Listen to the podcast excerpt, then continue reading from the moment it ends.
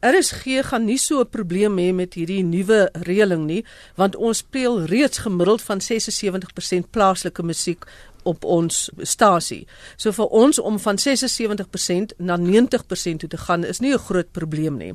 Baie van ons plaaslike musiek word in spesialisprogramme ook uh, hanteer.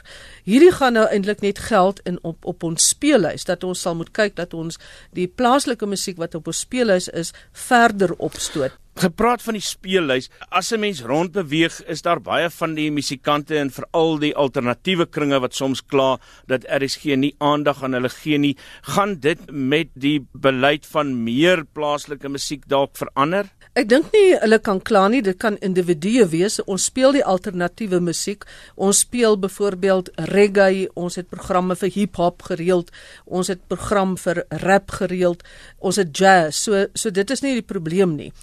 Wat gaan gebeur is om nou van daai 74 of 76% tot by die 90% te kom, gaan ons net dit verbreed. Sê net maar ons speel 3 snitte van teens Jordaan wat baie gewild is by ons luisteraars, dan sal ons miskien nou 6 snitte daarvan speel. Maar dit sal nog altyd gaan dat ons kwaliteit daar wil sit. Is daar genoeg gehalte sangers in die land om aan die vereiste van 90% te kan voldoen? Nee, daar is nie en dit is die probleem dat daar is baie plaaslike musiek, maar alles is nie noodwendig 'n goeie gehalte nie. Nou oor wat goed is en wat nie goed is nie, kan 'n mens ook redeneer. As jy net gaan kyk na Afrikaanse musiek, dan is daar 'n groot gros Afrikaanse musiek, maar 'n groot deel daarvan is nie gehalte musiek nie. So. En hoe besluit wie wat uh, gehalte musiek is? Kyk, by RSG is dit so dat ons 'n uh, musiekbeleid sê ons speel adult contemporary en ons speel feel good. Ons wil op daardie dinge fokus. Dit beteken nie dit sluit nou die rande weerskante uit nie.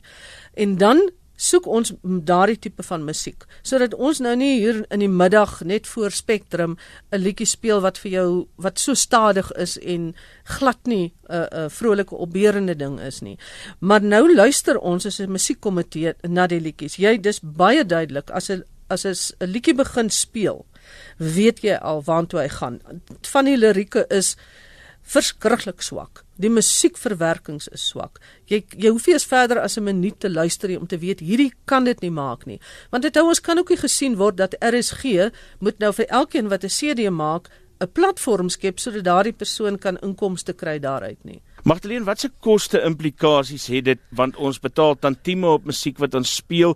Nee, glad nie, want alle musiek wat gespeel word, moet jy tantieme voorbetaal of dit nou oor see is of of dit plaaslik is en dit word outomaties ook verwerk en dit is 'n die SAIK betaal elke jaar soort van 'n generiese bedrag vir musiek speel. Ek gaan RSG net op plaaslike Afrikaanse musiek konsentreer of gaan van die ander tale ook kans op die stasie kry met die nuwe beleid? Ons het reeds ander tale op die stasie. Is al baie lank al wat RSG ook ander tale op die stasie speel as dit 'n verteerbare melodie het. So vir ondaam sê ek weer vir ons is dit nou nie so 'n groot ding nie omdat dit ons dit al, al reeds vir 'n geruime tyd doen.